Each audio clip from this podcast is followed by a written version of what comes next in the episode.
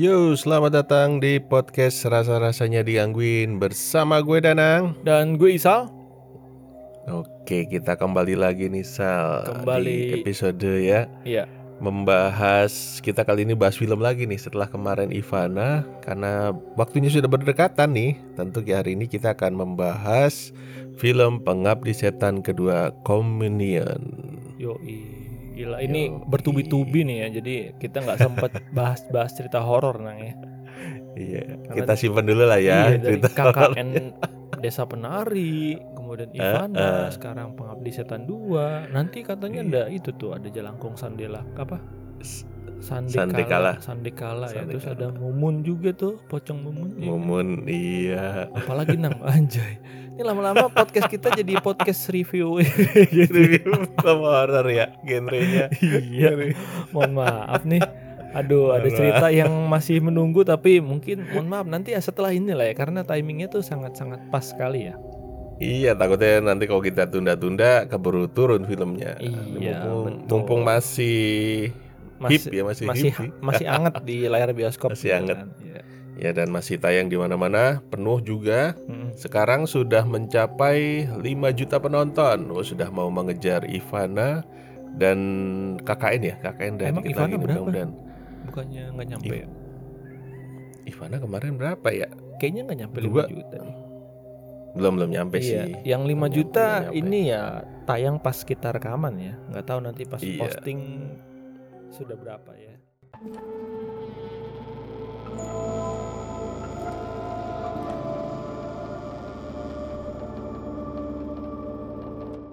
Mungkin lebih pasti gitu. Yo, mungkin kita nggak perlu lama-lama lagi. Kita akan coba bahas film Pengabdi Setan 2 ini sebuah karya dari Joko Anwar yang kita tahu di Pengabdi Setan 1 itu eh cukup eh apa dulu juga booming ya di tahun Yoi. 2017 itu pe- penontonnya sampai 4 juta 4 juta kalau nggak salah Iya, itu lumayan tinggi juta. tuh horor horor tertinggi waktu itu ya. Yoi, karena genrenya karena meremake ya sebenarnya meremake dari film tahun 80-an di Pengabdi Setan satu itu. Iya, Dan sukses sih, Dan membawa teror. sukses. iya. Teror ibu tuh sukses, sukses banget. Sampai kayak abis nonton kayak wah anjir nih film horor Indonesia Mm-mm. yang best tuh begini nih gitu. Yo, Itu ya.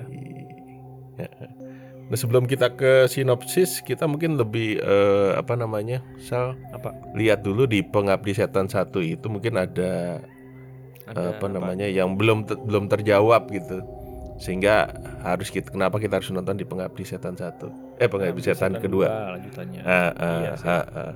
Nah, ini uh, Kira-kira apa Sal? disclaimer dulu. Ini Hmm. episode ini adalah full spoiler. Jadi bagi yang belum nonton Pengabdi Setan 2 silahkan ditonton dulu ya mumpung ada di layar lebar dan belum bagi yang belum nonton Pengabdi Setan 1 Mm-mm. uh, di Netflix masih ada kok guys. Jadi silakan yang langganan Netflix langsung saja merapat ya kan ke kamar Hmm. Anda, nyalakan TV, sediakan selimut, popcorn dan popcorn gila niat banget ya di kamar. Lihat banget. Yo. Aqua lah. Eh kok nyebut merek? Minum minum. air minum. ya kalau pengabdi setan satu itu sebenarnya banyak sih banyak uh, yang apa ya hal-hal yang dipertanyakan gitu mulai dari eh Mhm. tunggu lu udah nonton belum sih? Setan satu? Udah, udah. Udah? Udah. anjay Udah, aman. mantap ya jadi Anjay. uh, kan lu tau lah ya itu ada apa namanya uh, yaitu uh, di pengabdi setan 2 kan komunian jadi kan ada sekte nih sekte aliran sesat ya betul, pengabdi betul. setan lah sesuai judulnya Mm-mm. gitu. Itu belum dijelasin secara keseluruhan gimana gimana ya. Cuman yang kita tahu di pengabdi satu itu adalah ibunya ikut kan sama bapaknya Mm-mm, mm-mm. gitu. Tapi yang lebih disorot ibunya. Kemudian eh, apa namanya bapaknya tuh kerja apa tuh nggak disorot karena bapaknya cuma nongol di awal sampai eh, di tengah hilang, di akhir nongol lagi dia gitu loh. Itu dan juga minta maaf terakhirnya juga ya dan itu Iya. minta maafnya apa kan kita kurang tahu menebak-menebak aja kan Betul. kenapa dia minta maafnya Mm, terus abis itu eh, apa namanya si Pak Budiono tuh ya yang yang yang ternyata gue waktu nonton pengabdi satu malah nggak ngeh loh kalau itu dia wartawan gitu loh Hmm, gue cuman kayak iya, taunya iya, dia iya, kayak iya. penulis atau apa gitu kan soalnya eh di situ kan dijelasin eh, kalau dia tuh teman teman dekatnya neneknya si Rini Neneknya, Iya, betul. kan gitu kan sampai akhirnya Budiman Sal bukan Budiono. Budiman ya Budiono Bapak Wakil Presiden kita itu. mohon maaf pak udah nggak kijang satu lah ya gitu. Iya, iya. iya terus Budiman bener Budiman Budiman Nah. Sujatmiko ya eh itu Saya politikus ya eh siapa sih gue lupa ya Budiman Sayil Rendra. Shailendra oh Shailendra. Iya.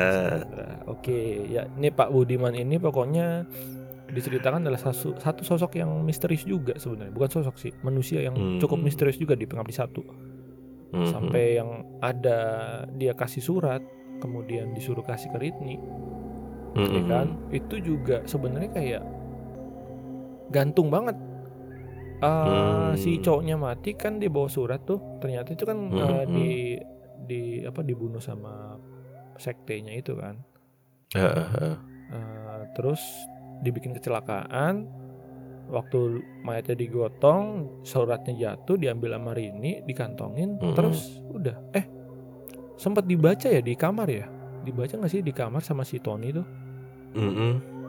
Nah dari situ tuh mulai Sempet heeh. mulai mulai kayak ini bla bla bla bla bla dan nah itu mulai kayak dikasih apa ya pencerahan lah sedikit tapi tetap Mhm. tetap masih masih ngawang sih kayak "Ah, ini masih ya?" ngawang gitu. jadi Jadi pengabdi kita tetap satu nebak-nebak juga ya. betul pengabdi satu ini memang bener-bener karena kan itu eh, remake-nya film lama jadi Heeh. unsur horornya benar-benar dapet dan memang Hmm. kita terhibur dengan uh, scene-scene horornya gitu loh itu oke banget sih bahkan Hmm. sampai yang di di terakhir tuh sebenarnya gue agak bertanya-tanya sih nang kayak hah ini Hmm. kok pocong pada diserang pocong gitu jadi kayak gue ngerasa kayak film zombie tau gak sih Iya. yang kayak- Apalagi ruangnya terbuka gitu ya. Iya, Beda dengan yang di Pengabdi 2 ini kan di dalam di semuanya. dalam. iya nggak terbuka sih kan satu rumah doang cuman ya ada Iya. pekarangan gitu ya Iyalah maksudnya di pekarangan gitu. Mm, sampai mereka pindah ke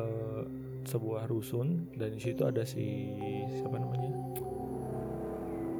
siapa namanya gue lupa Batara eh siapa Iya Batara. Batara ya Batara sama Darmina. ya itu itu juga baru ketahuan namanya di Pengabdi 2 ya Batara itu ya Hmm. gitu Dan itu awalnya setelah eh, cerita di Pengabdi satu mereka harus pindah ya Mm, ke rusun dengan alasan ya kalau rame lebih aman gitu kan. betul alasan Artinya- bapaknya cukup logis sebenarnya dan Logis oke sih banget sih sebenarnya. betul Nah, tapi ternyata pindah ke rusunnya itu rusun pengabdi setan Hmm, Nah sebenarnya bapaknya tahu nggak ya sebenarnya itu Nah, rusunnya itu tuh, itu yang begitu ya. yang Jadi kayak- tanda tanya nih sampai sekarang gua jadi kayak kenapa milih rusun itu ya? iya dari sekian banyak mungkin ya tapi yang dipilih itu gitu kan dan Hmm. Di kita langsung masuk ke pengabdi dua nggak nih Boleh boleh boleh kita langsung ke masuk ke sinopsis ya Iya. karena udah tadi di ending pengabdi satu udah kita dijelaskan Heeh. endingnya terakhir itu kan mereka harus pindah ke rusun. Nah di pengabdi dua ini kan sinopsisnya semua ceritanya ada di rumah su- susun itu ya di rusun. betul jadi waktu scene pertama itu kan kita dilihat uh, flashback tahun 55 ya Mm-mm. tahun 55 waktu itu ada si Budiman Budiman Shelendra ya Uh, dia dibawa ke satu apa satu tempat yang mana itu Mm. apa bosnya ya Ya itu dianggapnya bosca lah ya. Bosca Tapi ya. soalnya Hmm. nyebutnya kan di Bandung ya, Iya, jadi mana lagi? di gitu. Lembang ya terusnya Lembang misalnya Lembang Iya. ya pokoknya kembali ke flash eh scene-nya balik ke flashback kemudian di Hmm. situ dilihat di apa ketemu sama kepala polisi Komandan, ya komandan iya. ya komandan polisinya terus dia suruh suruh foto suruh sebarin Mm-mm. karena di situ ada pocong banyak banget gitu loh dan mereka tuh kaget karena kenapa karena bukan kaget bingung karena kelihatannya Hmm. kayak pocongnya tuh jalan sendiri gitu loh Iya, istilahnya masih baru, bukan yang Iya, apa namanya? kan tadinya mikirnya kayak ini siapa nih yang kerjaan siapa Yang nih naro gitu ya. gitu kan. Tapi pas Mindah-mindahin. begitu mereka keluar Hmm. ada satu tanah terus ada satu jejak-jejak gitu kan. Mm-mm. jejak-jejak si para pocong itu dan si komandan polisinya minta nitip ke si Pak Budiman ini untuk eh, apa namanya disebarluaskan lah tapi jangan jangan di koran atau Ya, di apa tapi eh, lebih eh. ke ya pokoknya di itulah media yang lain lah Media kan lain. wartawan iya bukan bukan di media wartawan si si Budiman Pak Budiman ya Mm.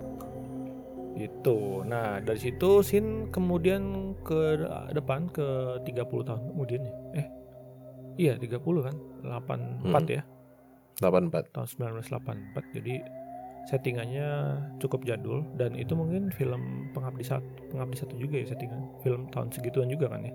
iya betul Nah, di situ si nah, kita dikasih lihat kalau si Rini, kemudian si siapa Tony dan Bondi itu sudah kerasan lah, kelihatan kerasan lah ya, tinggal di rusun itu yang mana Mm-mm. di awal tadi kita bahas sebelum kita bahas sinopsis ini adalah kok si bapaknya bisa-bisanya pindah ke rusun ini gitu loh. Apakah dia tahu apa enggak gitu kan? Kemungkinan Mm-mm. tahu sih Nang. Karena kenapa? Karena di mobilnya waktu nganterin si Pak Budiman itu kan dia Ya. ngelihat pria yang pakai masker tuh. Mm-mm. Nah itu kan disinyalir bapaknya, bukan disinyalir. eh, nanti di akhir lah dijelasin kalau itu ternyata bapaknya si Rini kan. Hmm. Gitu, nah. Mm-mm. iya iya iya Ya, oke nanti kita lanjut ke akhir ya. Jadi Mm-mm. setelah itu eh, kita dikasih lihat bahwa eh, Bondi udah cukup dewasa ya, bukan dewasa sih, cukup eh, gede. remaja cukup gede udah gedean dari yang pengabdi satu ya dan dia punya Eh. dua temen nih di mana kelihatan sekali kalau eh, mereka ini bikin tim seperti detektif detektifan ya nggak ah. gue langsung ngerasa kayak film Stranger Things dong iya loh langsung wah Rambut ini- rambutnya sama lagi ya. iya bocil-bocil dengan kepo dan apa sih imajinasinya eh, apa sih kecerdasannya Nggak mereka ada- gitu kan iya nggak ada takut takutnya lagi Betul. Bondi langsung, wah ini batu nisan nih batu nisan ini bekas kuburan gitu. Mereka- iya benar-benar. Selesai dari situ, kemudian kita masih belum ada gangguan ya. Yang Mm-mm, mana, eh, yang mana kita kalau nggak salah, kalau gua nggak salah ingat, eh, eh, Hmm. ada si siapa namanya, Ratu Felicia tuh, udah lama banget nggak lihat dia, anjir. Jadi jadi tari di situ ya, Tari ya yang betul. mana Karakter tari. mantap sekali eh, perannya dia di situ. Dan kita dikasih lihat Orangnya apa perannya nih? eh, perannya, perannya. Oh iya perannya. karena dari perannya itu ke orangnya dan juga itunya Actingnya. actingnya iya betul. sama peran tuh sama acting sama gini Eh, Iya iya. iya. beda sih oke terus di situ kita dikasih lihat sama si Tony bukan di situ Eh. kita dikasih lihat Tony juga udah cukup ini ya cukup Remaja. remaja ya pokoknya udah ber, ya kalau nggak salah jaraknya tiga tahun ya katanya ya, kalau nggak salah ya gue lupa deh ya pokoknya udah udah pada gede gedean dikit ya kecuali eh, Mbak Tara Basro ya Mm-mm. oke jadi setelah itu eh, diperlihatkan si Tony ini tertarik dengan Tara ya dan Tara ini Tari. eh Tari Tari Pak ya? Tari. Tara Tara nasiku itu. Iya, Mbak Tara nanti salah godain gue gitu. Terus si Tari ini juga digoda-godain sama itu jamet-jamet situ ya. Jamet situ lah. Dino, nah Dino ya. Iya, namanya satu pentolannya namanya Dino. Dia tuh kayak, waduh, banget ya. Beda banget dah latar tapannya lah. Kelihatan lah ya kalau cowok gimana gitu ngeliat cewek ya. Selalu apa yang merendahkan dan itu juga kan. Dan em, kemudian kita dikasih lihat si Mbak Rini ya, si Tara ya. Hmm. Yang mana nih karakter utamanya harusnya ya di Pengabdi Hmm. 1 dan 2 ya. Mm-mm. Itu dia juga sudah mulai bekerja. Eh, dia bekerja atau bekerja, apa bekerja kuliah sih? betul. Terus kan dapat beasiswa gitu kan. Hmm. Ini sebenarnya dia apa namanya agak ragu-ragu mau diambil atau enggak, tapi kesempatan ini nggak bisa datang dua kali kan. Betul. Pada akhirnya dia mau ambil si Mbak Rininya ini. Hmm. Nah jadi eh, sekilas ya pokoknya setelah itu eh, Mm-mm. kita dikasih lihat sama bapaknya nih si gua lu nggak tahu nama bapaknya siapa ya. Eh, pokoknya bapaknya lah bapaknya Rini, bapaknya Tino dan si Bondi lah ya. Eh, Ini dia pulang kerja, terus dia setiap kali pulang kerja dia bawa koper yang mana kopernya langsung dimasukin ke bawah lemari dan langsung Laci, digembok gitu. Nah itu si digembok Tara gitu. si Mbak Rini sorry si Rininya nih melihat selalu melihat dan curiga eh, akan isi apa isi di koper itu Tasnya gitu itu ya, kan. koper Karena itu, mereka heeh. tuh nggak pernah tahu nih mereka bertiga bapaknya ini kerja apa gitu sampai di Mm-mm. film Pengabdi 2 ini. Dan sampai di situ tidak ada gangguan dan baru ada gangguannya itu kita dikasih lihat ada si bocah ya namanya Wisnu ya. Mm-mm. Itu jadi kalau di rusun itu kan ada tempat buang sampahnya itu berlantai-lantai dan satu lubang gitu ya ke bawah ya. Iya, jadi ke bawah satu jalur lah. Tuh iya, Jadi, betul. Jadi kalau jatuh apa kalau dilempar itu kalau di lantai 8 akan jatuhnya berakhir di lantai satu gitu loh. Nah, Betul. waktu si Wisnu lempar itu sampahnya nah, kan ada tiga ya ada tiga kantong seingat gua dia lempar tiba-tiba eh, sampahnya nyangkut gitu harusnya kan jatuh ke bawah Iya, dan kemudian dia eh penasaran coba dorong ya. coba jorong nggak bisa terus kemudian diambil tongkat ambil semacam Hmm. tongkat ditusuk-tusuk kayak didorong-dorong juga Mm-mm. nggak bisa dan tiba-tiba ada suara gitu suara dan mana itu kayaknya suara bapaknya ya mendiang bapaknya ya gitu loh dan di situ gue agak agak merem dikit nang karena gue udah tahu gitu di mana nih Iya. gitu kan terus eh bener Betul, Pak. gitu Bener deh, pas bapaknya senderan. iya kan nanti coba ditontonnya deh gitu loh kalian pasti Eh, akan iya. langsung paham deh gangguannya di mana Eh. gitu penampakan atau jump scare di mana kalian pasti udah langsung paham Iya. dan selesai kemudian eh, scene berganti di mana juga tidak ada sebenarnya horornya itu dari sampai sini tuh Lah. nggak ada ya jadi cuman oh sorry ada satu setelah bocah itu kemudian si Rini ini turun Mbak Rini. turun buang eh bukan turun jadi buang sampah juga Mm-mm. gue lupa kayaknya duluan Duluan Mbak Rini duluan malah. Rini iya, ya, duluan Rini ya, Rini. karena dia buang sampah sam- terus eh, di kan di lantai 8 tuh si Wisnu juga di lantai 8 nah Rini Heeh. waktu buka sampahnya nggak bisa buka pintunya nggak bisa Pintunya, kekunci betul. jadi akhirnya dia turun ke bawah ke- buang ke lempar eh buang Dari sampahnya di lantai lantai 7 pas di lantai 7 itu dia lewat semua pintunya kebuka iya kan Mm-mm. yang mana isinya kebanyakan eh, lansia ya Iya orang tua. cuman posenya aneh-aneh gitu loh posenya aneh-aneh Iya. sampai dia buka eh, pintu sampahnya dan selesai buang begitu dia beres buang semua penghuninya keluar ngeliatin si Keluar. Hmm. dan abis itu ya itu lumayan creepy sih itu justru Iya sih. justru ah, menurut gua Itu itu, horor. ya. betul nah Heeh. itu yang gua bikin takut daripada yang kejadiannya si Wisnu yang ngalamin ya Heeh. Tuh. Dari situ dia takut nah baru tuh si Wisnu tuh Wisnu juga sebenarnya pas di 8 itu pas dia buka masih kekunci ya pas Masih dia kunci. Mm-mm, pas dia Mau balik badan balik badan. tiba-tiba kebuka sendiri. sendiri, guys dan ya seperti tadilah kejadiannya Mm-mm.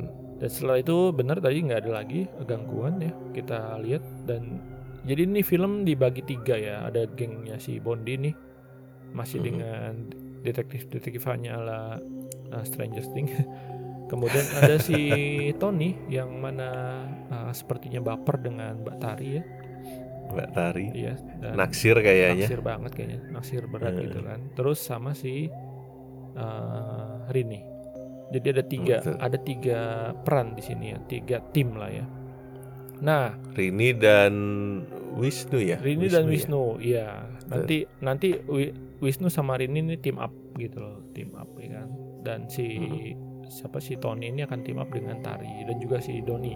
Eh Dino. Dino pak. Doni Saurus eh salah. Dengan Dino ya jadi dengan Dino. mereka juga akan team up nanti gitu. Dan di sini juga dikasih lihat si Tara Tari sorry Tari ini eh, ngasih radio ke radio yang rusak ke Tony untuk minta dibenerin. Setelah itu dibenerin. Nah waktu dibenerin eh selesai dibenerin Em, sebelum itu ada satu kejadian yang benar-benar mulai horornya tuh di sini guys. Iya nggak sih? Betul betul betul. Betul ya. Jadi si siapa namanya? Ada satu eh, adegan tuh di mana di sini diperlihatkan seluruh penghuni rusun lah ya. Berkegiatan gitu ya. Mereka melakukan kegiatan. Lalu lalang ada yang main apa namanya itu Engklek. tengklek ya. Kayak Ya, pokoknya ya jadi ada gitu, bocah-bocah ya. main, main begitu di lantai bawah, kemudian setiap lantainya penghuninya keluar lalu lalang, itu diperlihatkan bahwa itu rusuhnya pokoknya rame lah gitu loh. Rame betul. Rame Aktivitasnya rame di Rame situ. banget, iya. Terus penggunaan liftnya juga apa artinya intens ya. Iya. Jadi liftnya tuh penuh terus gitu. Liftnya cuma satu yang dikasih lihat satu lagi rusak. satu. yang kan satu lagi rusak. iya yang satu lagi rusak. Nah, jadi ada dua lift ya eh, di Nah, ibaratnya kayak utara sama selatan gitu kan. betul. Biasanya begitu sih. Hmm. Tapi cuma satu doang ya, jadi total cuma dua maksudnya, Eh, cuma satu doang yang dipakai, jadi semuanya ke sana. Dan pas kejadiannya itu eh, si Tony sama bapaknya ini mau masuk lift dan si Tari dari bawah dia naik ke atas itu udah diikutin sama si Dino dikintilin. ya kan. Mm-mm. Waktu di lift lantai 8 itu si Tony ya, Si Tony sama bapaknya mau Tony sama masuk. bapaknya mau masuk. Begitu pas mau masuk si Tari ngeliat karena dia udah tahu nih Merasa, diikutin "Uh-uh." sama si Dino gitu kan. Langsung Mm-mm. ngomong deh, "Eh, adik gitu kan." Siapa sih? Hmm. Adik atau apa sih gue lupa deh. Pokoknya langsung di situ si Tari Ngegait tangannya lah ya. Iya, Tari keluar. Eh, ke mana aja gue tungguin Keluar. gitu kan. Heeh. Gue cariin juga lo gitu. Ada si si Tari narik tangannya si Tony, bapaknya masuk sambil ngeliatin kebingungan. Si Dinonya kepo Juga dia keluar, keluar. gitu. Nah, Heeh. begitu pintu lift tertutup, ternyata liftnya pas mau turun itu macet ya. Nah, di sini juga kita sebelumnya dikasih lihat tuh isi-isinya si lift ini ada siapa-siapa aja. Itu ada salah Hmm. satu bapak, ada bapaknya salah satu temannya si gengnya si siapa Bondi yang Mm-mm. mana eh, ini eh, abusif ini ya yang jadi ini tipikal jadul juga sih di mana ada gua nggak tahu tapi kalau sekarang ya orang tua tuh kayak bapaknya itu sosok bapak itu galak dan s- ini ya eh, kasar ya main tangan gitu kan ke anaknya Iya, ke istrinya juga gitu loh Istrinya. pokoknya KDRT deh nah bapaknya turun ngejar si si anaknya itu karena diajak main sama si geng Bondi itu ya sama Mm-mm. Bondi and sama temannya lah. Mereka selalu bertiga. Dan ada kakek nenek di lift itu ada juga ibu-ibu hamil. Lalu Iya. ada pasutri. Mm-mm. dan apa lagi ya? Lu masih inget aja lu. Wis, masih dong. Karena gua lihat oh sama ibunya si Wisnu. Wisnu dan ibunya. Betul. Wisnu dan ibunya masuk tuh. Begitu masuk eh, lantai satu baru turun ke satu macet Mm. terus eh, panik, panik yang di dalam gitu ya. yang di dalam Dipencet panik semua. Iya. Nah, sewaktu panik itu eh, ada ibu-ibu di bawah lagi nunggu. Eh bukan, sebelumnya sorry. Sebelum itu barengan sama si Tari gue ingat. Kenapa? Karena waktu Hmm. Tari naik lift dari bawah ke atas itu ada ibu-ibu juga pas lagi mau naik Mm. kantongnya jatuh itu isinya recehan jatuh. semua. Iya, Hmm. recehan. Dan beberapa recehannya tuh eh, masuk ke lubang yang ada di bawah lift gitu ya. Jadi eh, Hmm. berceceran di bawah lift. Mm. Nah. begitu eh, naik ke atas kemudian si siapa namanya udah pas turun lagi ya mau turun lagi Mm. bocah-bocah yang di bawah ini termasuk salah satunya itu ada tem adiknya si temannya si Bondi ya Mm-mm. si Wahyu ya adiknya Wahyu itu eh, mereka kan ngeliatin tuh waktu ibu-ibu mau naik terus duitnya jatuh gitu kan cuman ngeliatin Hmm. doang tapi begitu ibu-ibu udah naik semuanya terus pintunya liftnya kebuka Mm. itu mereka langsung buru-buru tuh uh, nyamperin mengut-mengutin duit receh tuh yang jatuh di bawah lift itu Iya. di bawah ruang Mhm. lift gitu dan mereka nggak sadar kalau di atas lift itu uh, Liftnya rusak tuh liftnya mau rusak jatuh kan. iya liftnya rusak tapi mikirnya kayak nggak bakal jatuh gitu kan nah Mm. balik lagi ke lift uh, di dalamnya panik kemudian Mhm. ada yang sempat buka coba buka dan kebuka sedikit dan si Wisnu Buka sedikit. berhasil keluar ya di dorong Iya, sama diangkat ibunya. sama ibunya. Iya, Betul. diangkat ibunya. Nah, pas waktu mau mau nolongin ibunya, Ibunya mau narik ibunya. mau narik ibunya semuanya panik, minta ditarik. Akhirnya Mm. eh, liftnya semakin turun, semakin turun dan Dan jatuh. jatuh. Pas jatuh itu yang dibawa bocahnya juga mati. Tapi adiknya si Wahyu ini eh, waktu Wina. siapa namanya? Vina ya. Ya Vina apa Wina itu? Win- Wina Wina. Wina. Waktu si Wina eh, Wina ngelihat liftnya kayak mau jatuh dia langsung refleks buru-buru keluar dan neriakin manggil teman-temannya temennya untuk ayo keluar. ayo. Cuman- temennya karena terlalu excited dengan uh, Mm-mm. banyaknya recehan bertebaran ya nggak Mm. sempet nge- nggak sempet bahkan nggak sadar dan ketiban lah tuh di lift Iya. kemudian di situ kita di cut dan dikasih lihat bahwa banyak yang mati ya namanya Iya, itu sebenarnya adegan pertama yang kita berdecak ini juga ya. Iya. Tiba-tiba si bocah itu kan di buat darah Jebret. ke mukanya. Iya. Wah, Iya, gila. itu adegan yang pertama yang yang menegangkan nih sebelum yang si Wisnu yang tempat sampah itu ya. Iya. Iya, iya. jadi di situ Kalau visual, kalau visual yang darah itu sebenarnya. Wah banget itu. ya itu iya sih tapi hmm, ntar aja lah pokoknya bersimbah darah lah tuh si Wina Hmm. itu lah di depan lift karena shock apalagi udah begitu shocknya teman-temannya pada mati semua di situ kan kegencet Hmm. nah mulai deh teror berawal dari sini ya kan dan memang eh, kebetulan besoknya itu bukan besok ya sih hari itu jadi sebelum kejadian lift jatuh itu eh, Hmm. kita diperlihatkan ya beberapa orang menonton berita dan ada cuaca ya ramalan cuaca Ya diramalkan lah, Dan diramalkan cuaca besok itu hujan besok deras. itu hujan deras dan banjir untuk kawasan utara. Iya dan gitu. potensi banjir di kawasan utara gitu dan Ya. itu di tempat mereka di rusun itu. kejadi waktu kejadian lift jatuh itu ya Mm-mm. udah udah semakin sore semakin em, hujan udah mulai turun ya Hmm. Nah, eh, di tengah-tengah juga kita dikasih lihat sama Pak Budiman ya, yang mana dia balik ke kantor Hmm. dan dia itu ngebuka berkas-berkas. Dia ngebuka satu kotak yang mana itu dari pemberian komandannya ya. Bukan Iya, komandannya. komandan polisi. komandan polisi yang Komandan mati polisi yang diri, pertama, mati Betul. gitu. Nah, dia buka tuh ada buku, ada kertas, kemudian ada Foto. ada foto-foto Mm-mm. dan juga ada uh, semacam alat yang nanti uh, di akhir akan dipakai gitu. loh.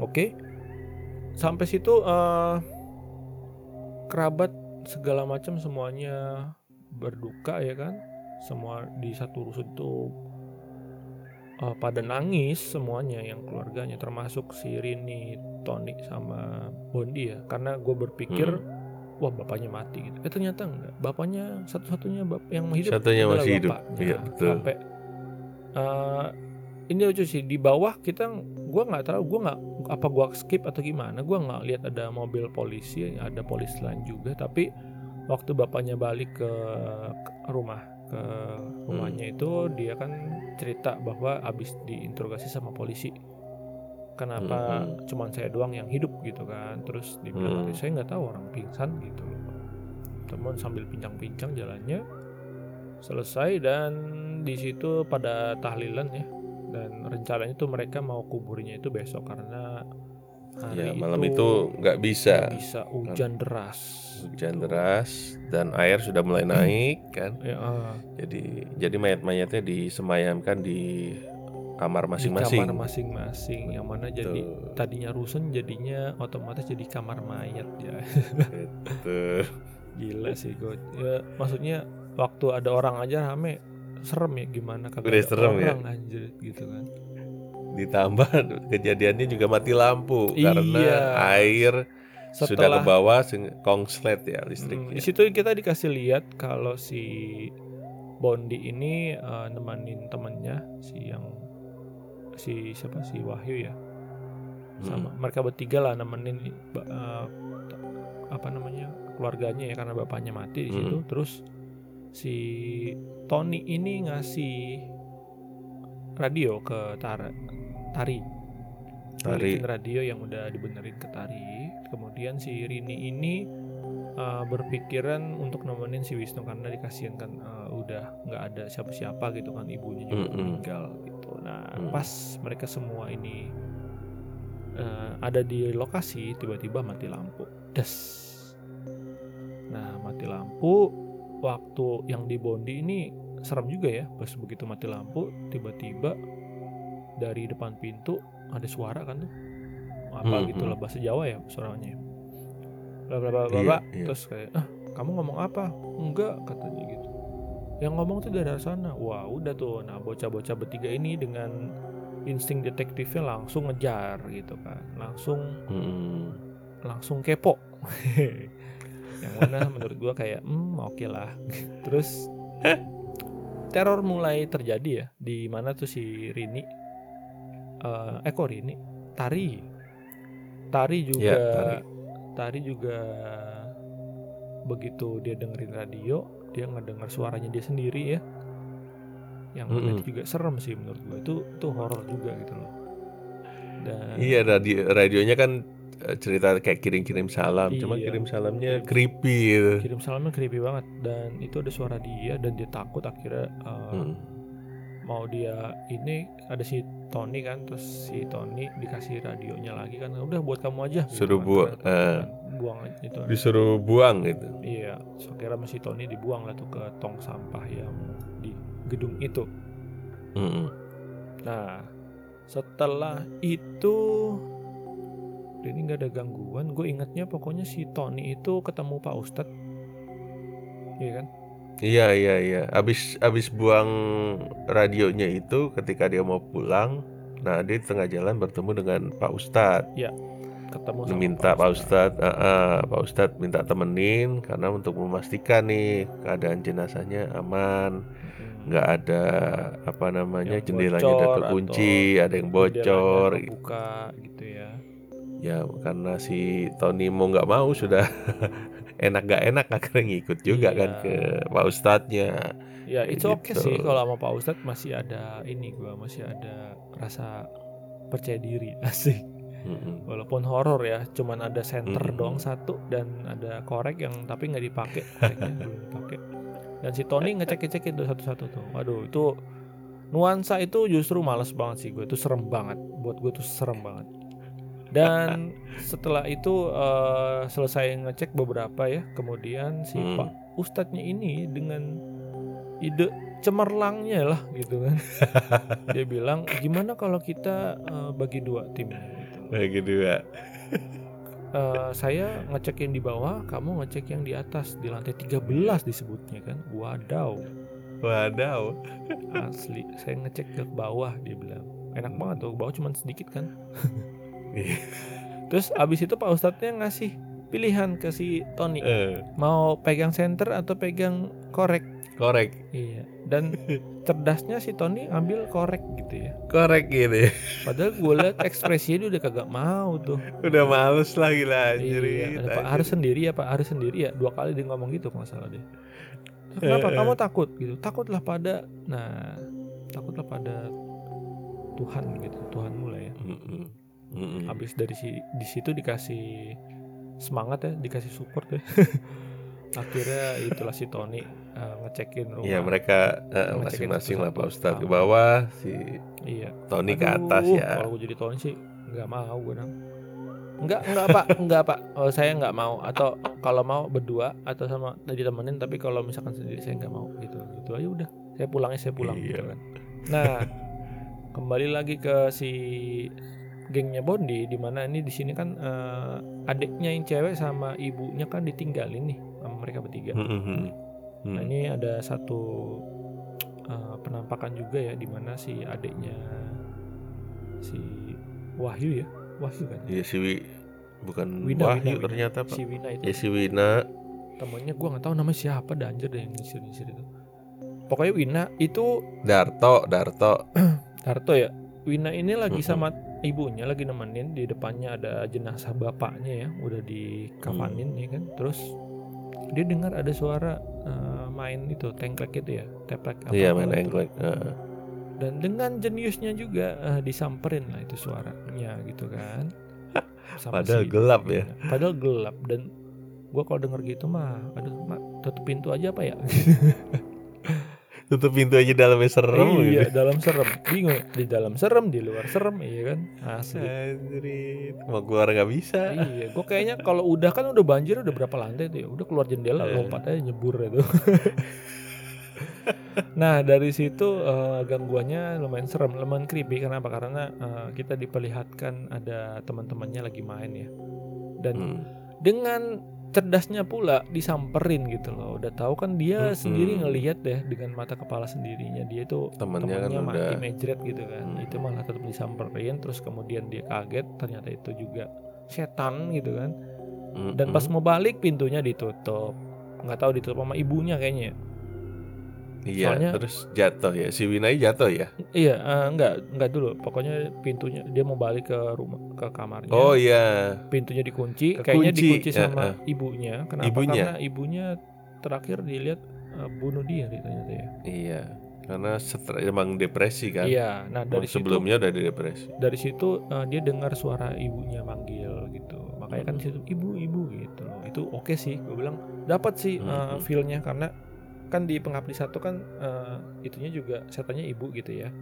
Nah, jadi di sini diwakilkan oleh si Wina dan di mana di situ eh, dia masuk ke lift yang rusak ya. Terus udah ya sampai mana tadi? Sampai adegan Sampai Wina. Wina, Heeh. empat. kemudian kita kembali ke Rini ya. Di mana Rini kepo dengan tas bapaknya Mm-mm. dan anggaplah kita selesaikan si Rini berhasil ngambil koper ya kan.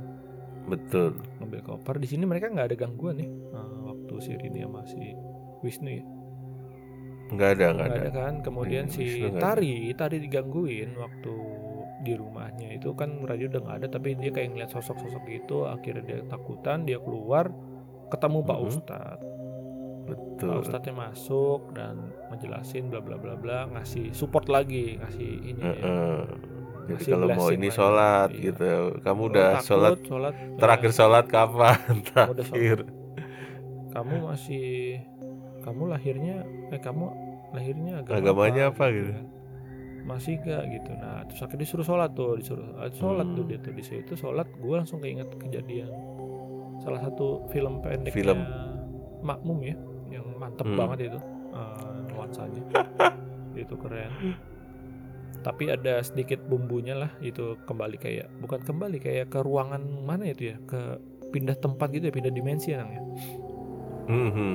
itu juga creepy dan di situ dia takut kabur ketemulah si Tony sama Doni ya Iya, Tony sama Dino, Pak. Dino, Kok Dino. Doni lagi? Doni Savo lagi. Doni Doni Allah Halo Doni. kayak nama samaran gua Doni deh gitu nah s- kita mundur sedikit eh, bagian Tony itu eh, jadi waktu dia ngecek ke atas itu dia ada beberapa penampakan dan akhirnya ketemu si Di- Dino, ya Dino. Dino di situ dia Dino ternyata- Dipanggil Dino. Mm, disuruh bantu ngambil garpunya yang mana katanya emaknya nih waduh super galak dah pokoknya dia lebih peduli peralatan dapurnya daripada anaknya sendiri Daripada anaknya. dan akhirnya waktu si Tony ngambil itu dia ngeliat ada beberapa album Mhm. dan salah satunya album emaknya ya album Iya, lagu emaknya album sama itu lagu dia emaknya. kaget dan ada foto album diambil langsung diminta keluarin Di- dan dia mereka ke Hmm. bawah ketemulah si Tari nah dari situ mereka udah team up dan eh team up si Mulai. Bondi juga Bondi- kan ke rumah rumah yang itu wartawan, bukan wartawan sih Bukan, rumah. Pak RT Pak RT tapi kosong. Ya betul rumah Pak RT, Terus ngeliatin, betul. pem- ngeliatin itu ngeliatin pembangunan. Foto-foto. iya terus di situlah detektifnya. Asli ini anak-anak pinter-pinter semua loh ini. Pintar-pintar banget ya. sayang banget kalau nggak dapat beasiswa seriusan.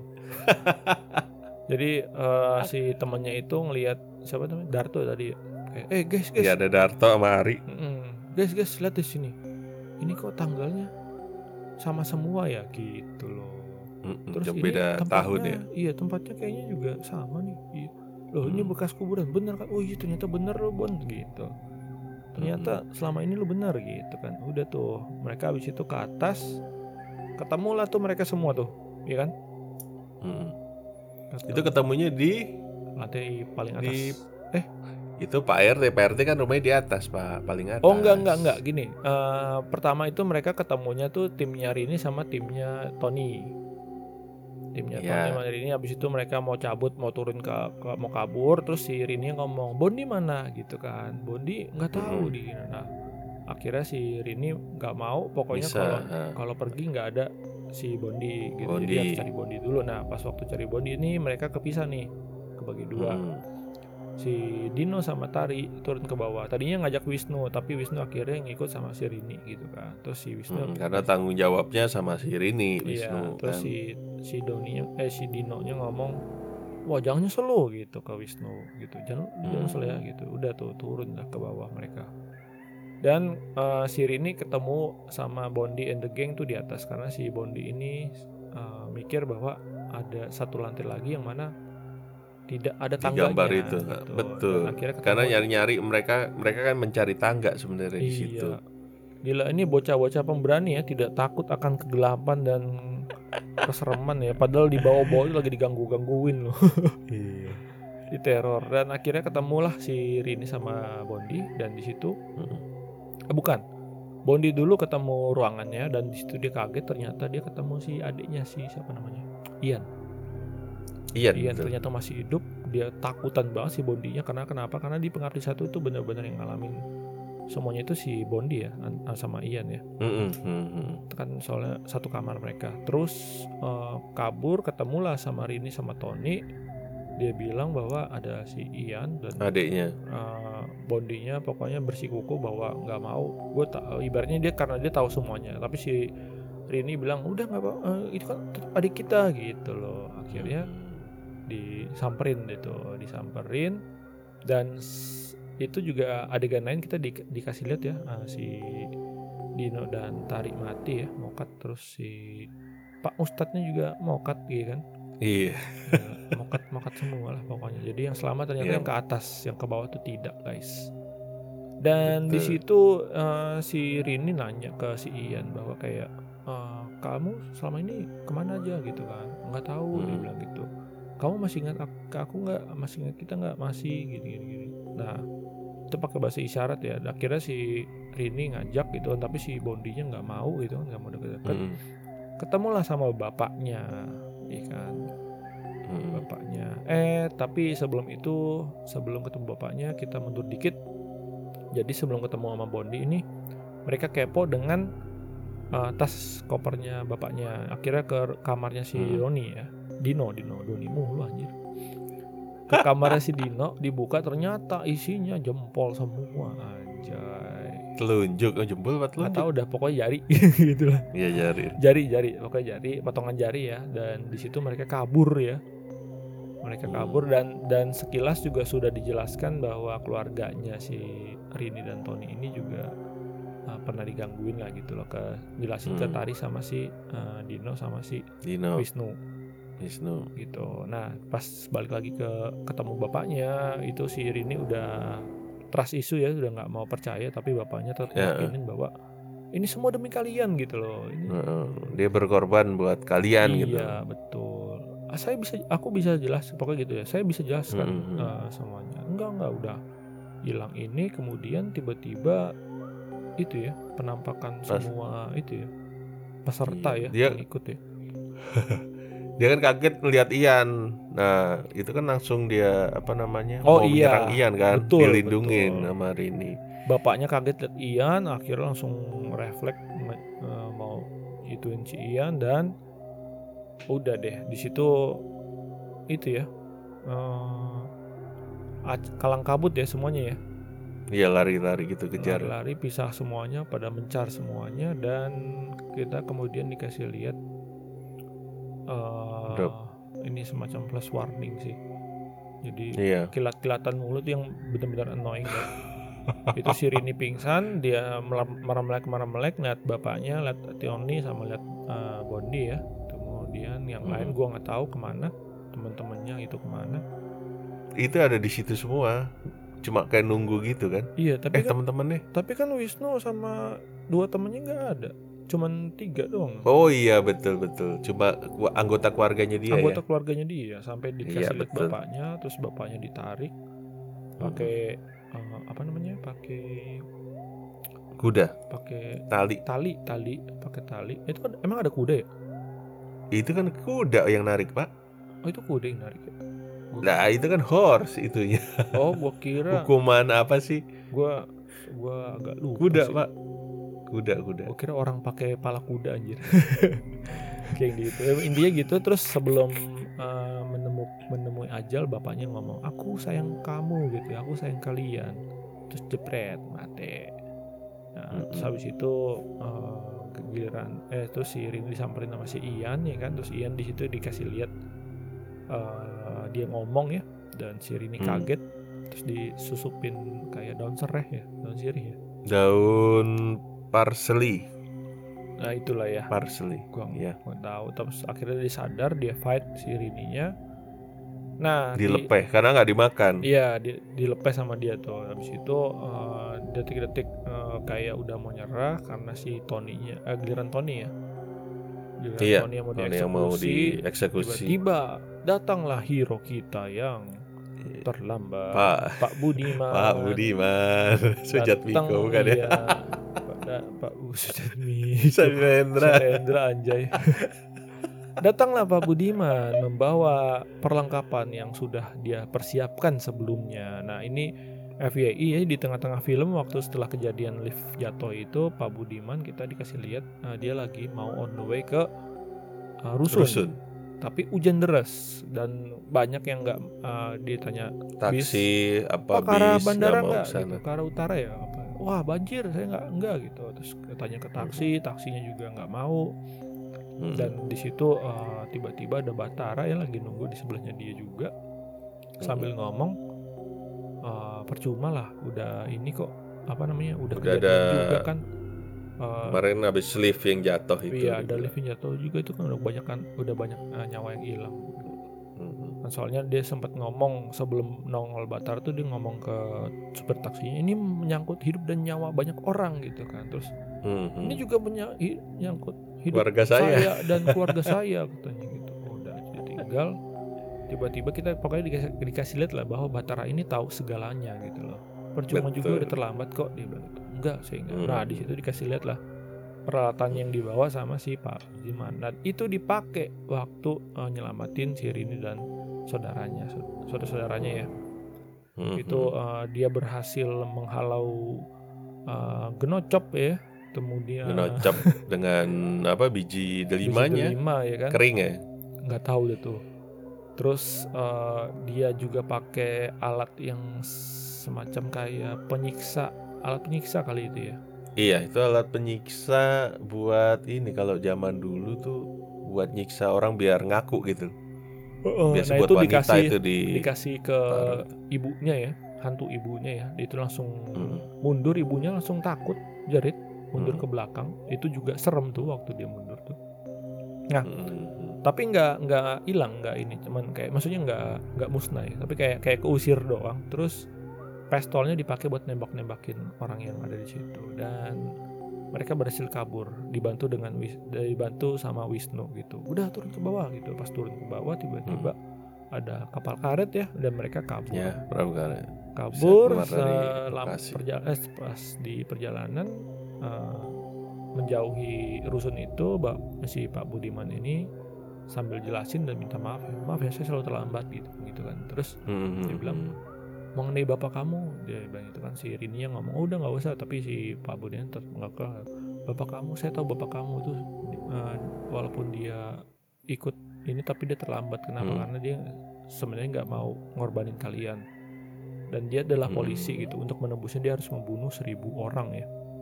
Iya. dia harus makanya dia orang. Makanya itu terlalu Saat itu kan di dengan kejadian Petrus ya kita di di di- ya. diselip-selipin ada Petrus Petrus betul. lah. gitu loh di, Eh, di penembakan berita, misterius. terus di obrolan gitu kan emang Hmm.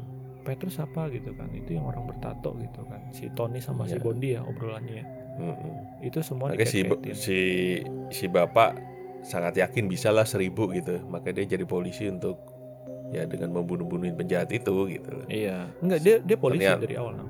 Iya, Jadi- maksudnya dengan ngumpulin seribu itu ya dengan si Petrus itu gitu. oh iya dengan cara Petrus ya itu. makanya kan ada jari-jari Tuh. potongan jari tuh gitu Hmm. kayaknya mau di maksudnya dikumpulin biar kehitung tuh seribu gitu loh tapi udah Iya, keburu Cuma kayaknya nggak nggak nggak nggak sampai seribu kayaknya dia. iya deh itu kayaknya mungkin rat 100 kali ya ada ya Mm.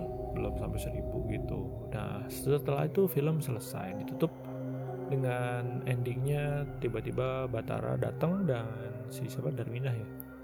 Iya Darmina ke Darminah rusun itu. nyalain Batara nyalain lagunya si ibunya si Rimi ya kan? Kemudian mereka dansa dan dialognya sama dengan yang di Pengabdi Satu. Selesai sampai sini. Nah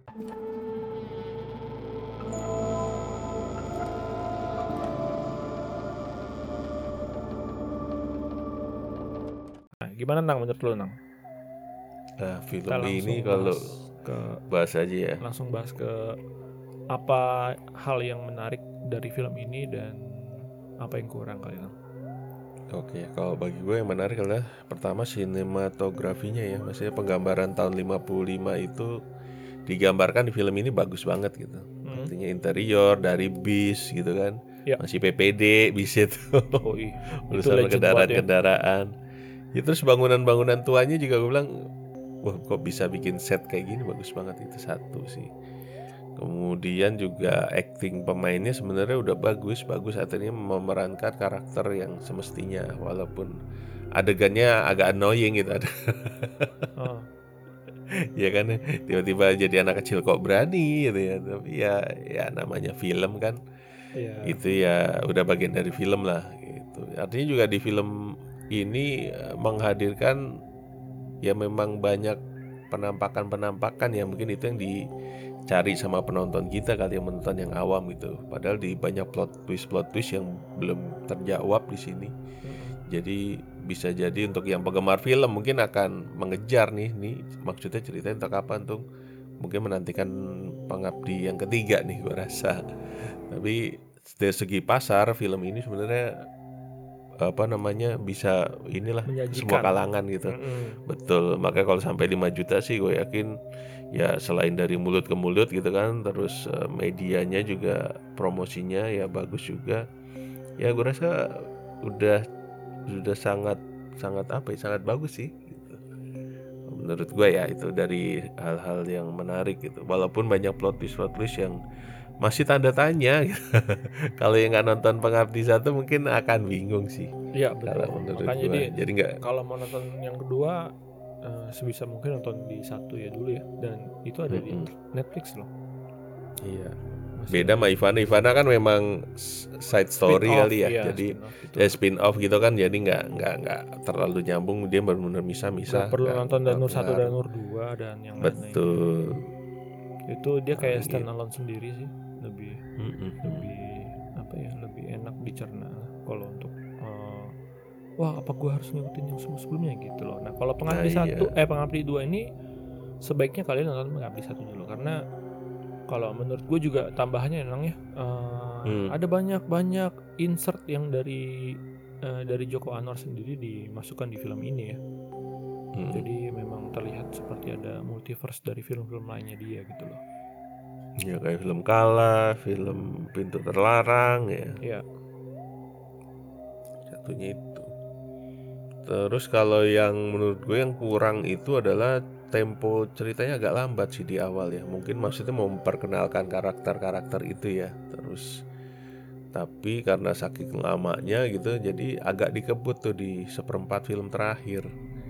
Jadi kayak sekes, eh, kayak dipaksakan gitu itu harus diungkap di situ di ruang itu padahal sebenarnya bisa dibangun dari awal sih gitu biar itu nanti nyambungnya tuh di terakhir tuh udah enak gitu cuma ya mungkin Joko Anwar sudah punya formula sendiri mungkin gitu Iya.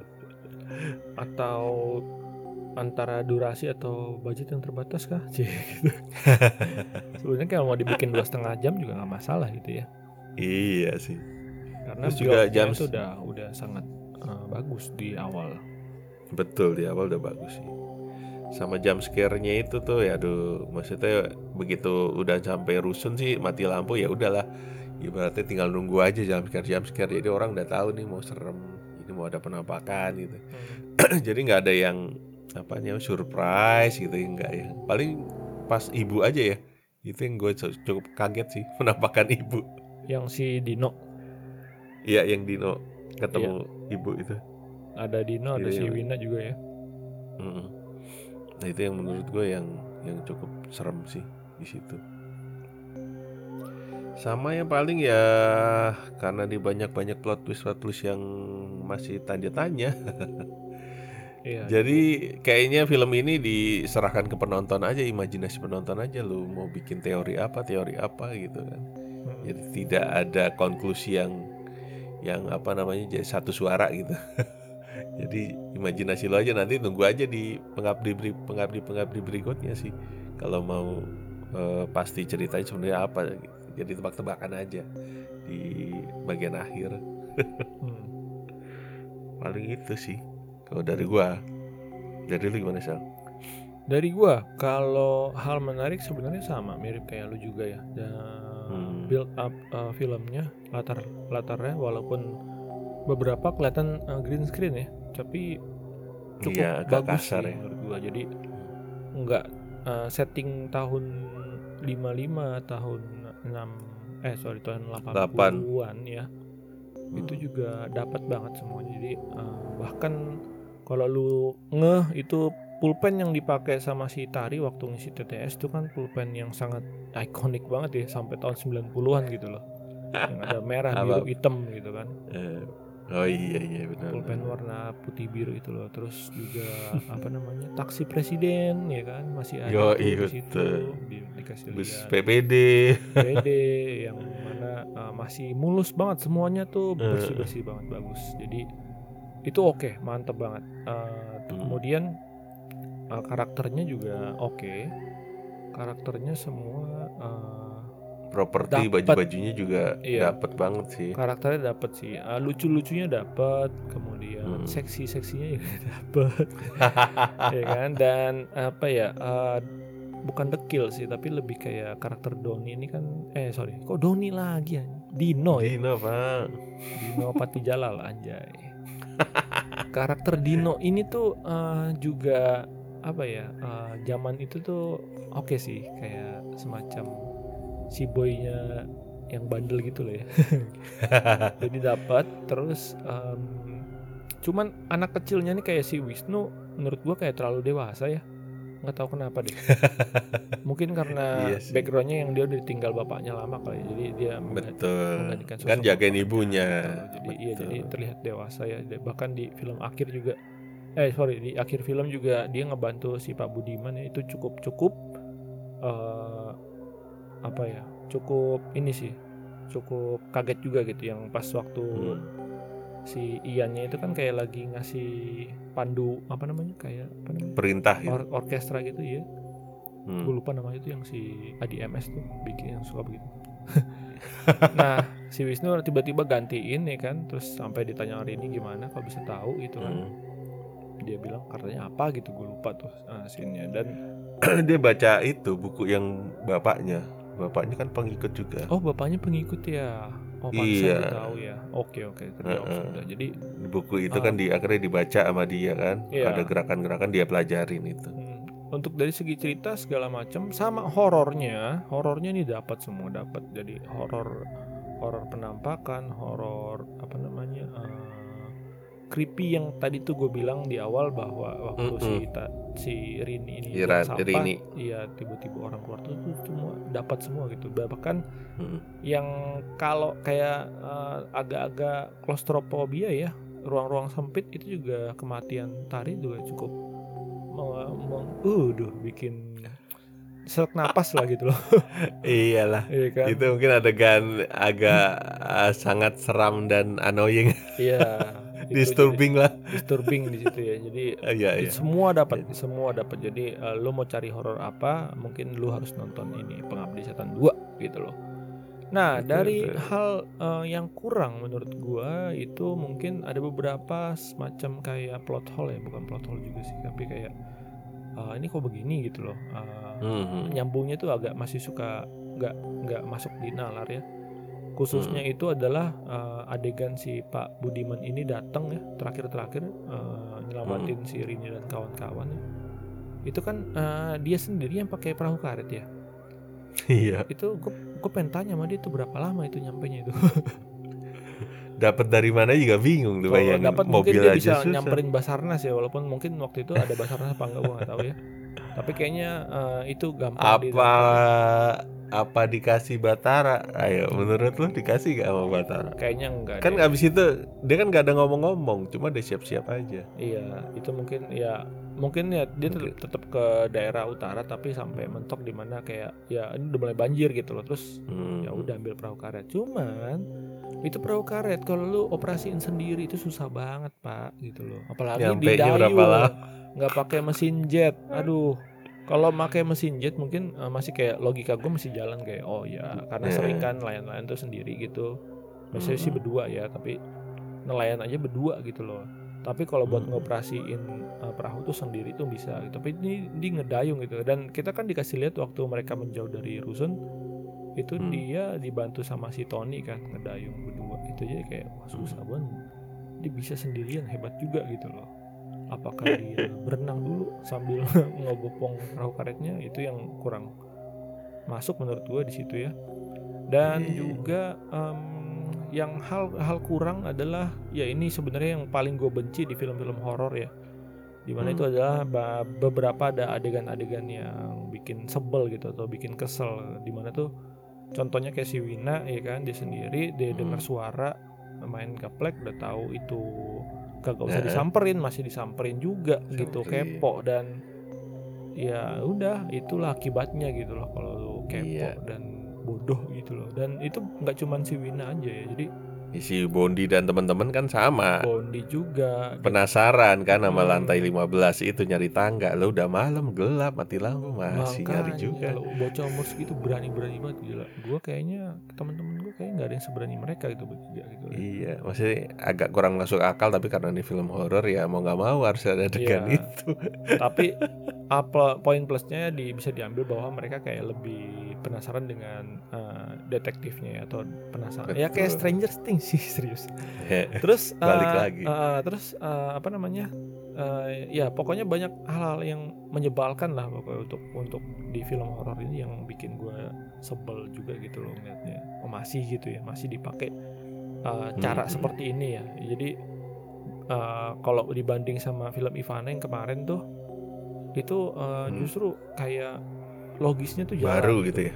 Mm-mm. kita jangan mencar-mencar kita harus bareng-bareng gitu kan bareng-bareng aja Hmm, mati ya iya. ini sendiri ya udah wassalam loh gitu kan itu sih dan ya eh, sisanya eh, kalau kurang mungkin buat kalian yang nggak ngikutin film-filmnya Joko Anwar selain Pengabdi Setan mungkin agak-agak eh, terlalu nggak paham ya dengan ada beberapa yang hal-hal diselipin di film ini gitu loh. Bahkan gua aja kayak Hmm, ini hmm. apa ya? Ini apa ya? Tapi maksudnya gua nggak gua juga cuman kayak paling ngikutin kayak janji Doni terus ada apa namanya?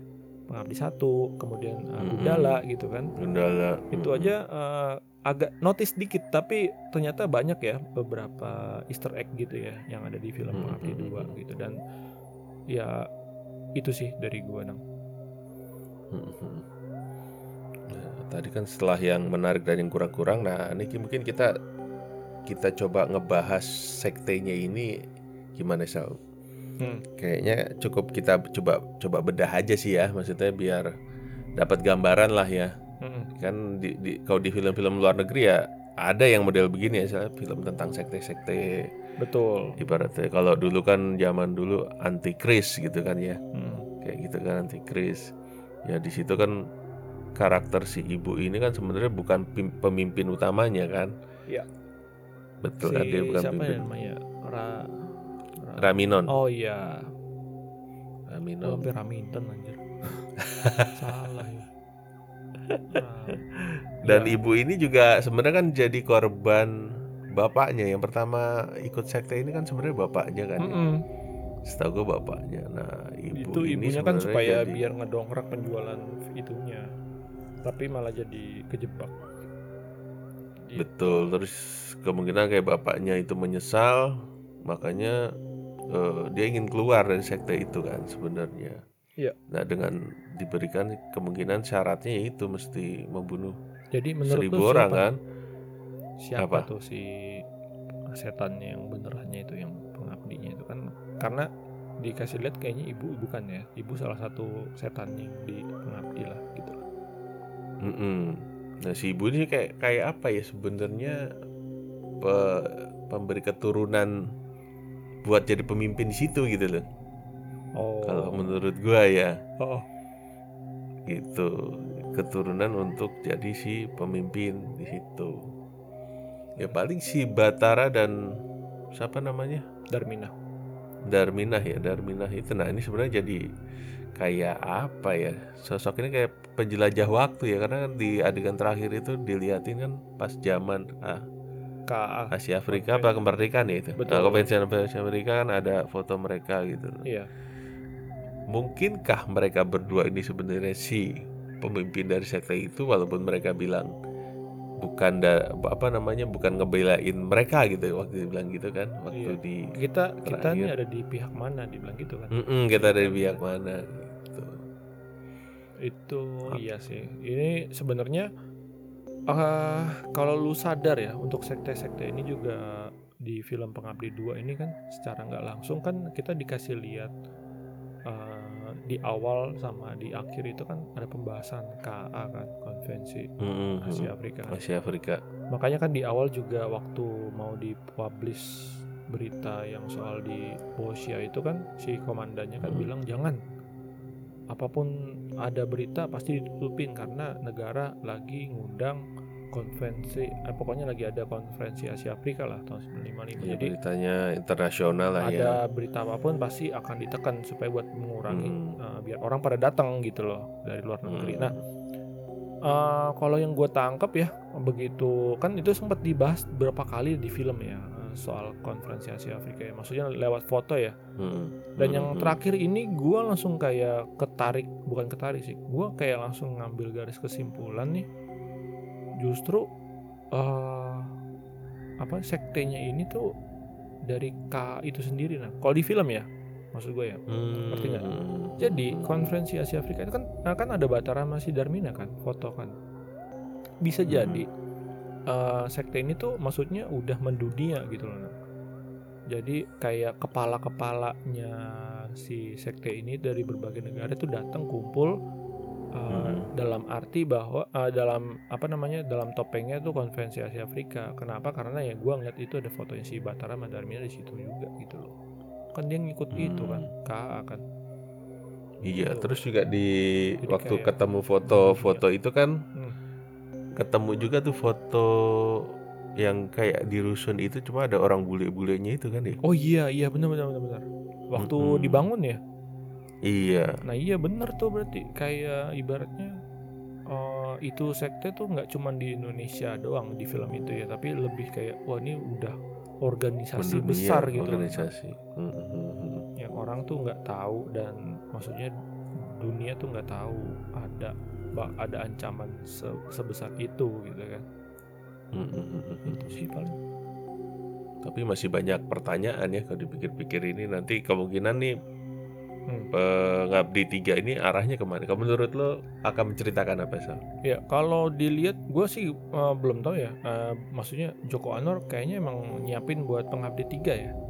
Mm-mm. Gue masih belum Kan. tahu update-nya apakah emang digarap apa enggak. Tapi kemarin gue sempat lihat twitternya dia tuh Hmm. kayak apa namanya kayak kayak dia tuh kayak udah nyiapin gitu. Soalnya ada ada yang ada yang komen terus dia bilang eh, ya eh, mau nih dibikinin yang pengabdi tiga gitu loh. Kalau nggak salah gue sempat baca tuh sekilas. Hmm. Jadi emang pasti kayaknya semuanya akan dibahas atau dijelasin di Pengabdi 3 ya. Kecuali kalau nggak dibikin trilogi berarti ya siap-siap aja bakal ada 4 atau 5 nang. itu sih menurut gue. Jadi kayak Iya. mungkin yang dari satu sama dua ini di tiga harus dijelasin lah kekurangan, bukan kekurangan tapi plot hole-nya yang ada di du- dua episode eh du- dua film ini gitu loh. Mm-mm. Harapan gua sih ya. Ya, tapi kalau menurut gue sih kemungkinan akan flashback akan menceritakan awal mula Batara sama, sama Darmina sih kalau menurut gue sih Salah yang satunya. ketiga ini. Hmm, salah satunya. Iya, jadi ibaratnya kalau kita film horor Jepang tuh ring 1, ring 0 baru ring 2 gitu kan. Oh iya. Nah, ini kan Bisa jadi, cerita bisa jadi. kemungkinan di episode 0-nya sih kalau menurut gua. Karena di dua ini udah final ya, bapaknya juga udah mati, ya kan. Iya, Terus mereka udah kabur, diselamatin Budiman gitu. loh. Mm-mm, artinya ya kutukannya ya selesai kan si Iannya Iannya terakhir gimana ditembak gak sih kena tembak gak sih di digampar sama si Rini gue cuman ingat itu doang.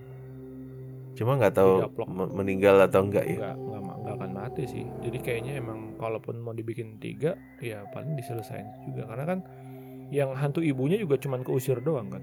Nggak yang musnah Hmm. atau hancur gitu.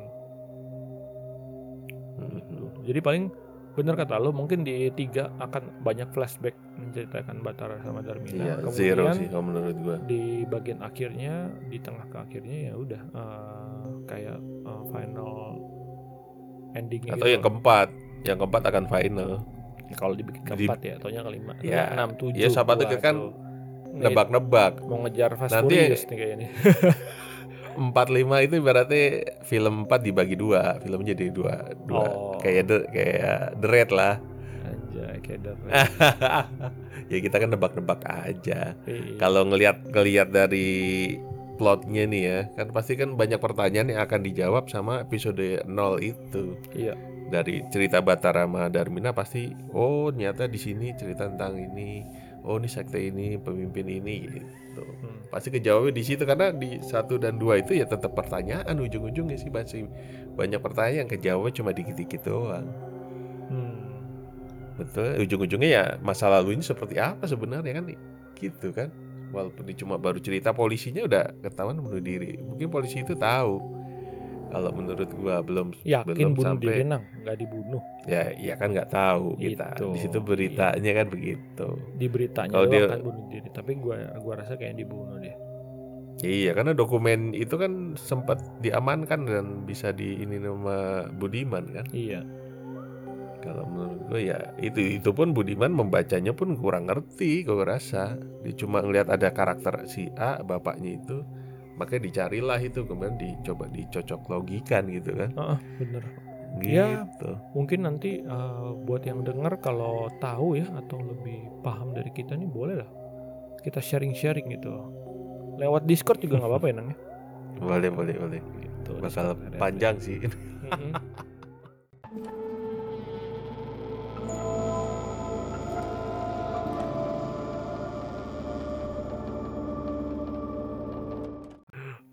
oke lah itu mungkin sebagian dari pendapat kita dan teori-teori kita lah dari film Pengabdi Setan 2 ini. Iya. Eh, yang belum ditonton pokoknya ya. Betul.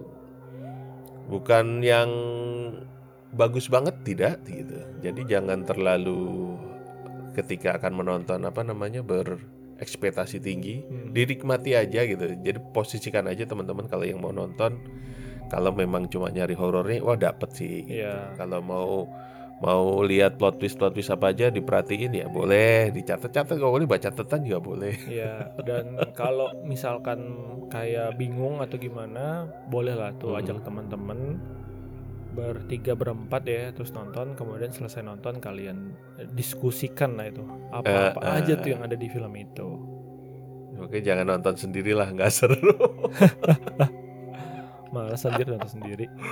iya ada Ya, oke kali itu aja ya berarti eh, kita tutup ya Nang ya. Sebelum sebelum podcast ini berakhir berarti jangan lupa di follow juga eh, akun sosmed kita yang lain ada di Hmm.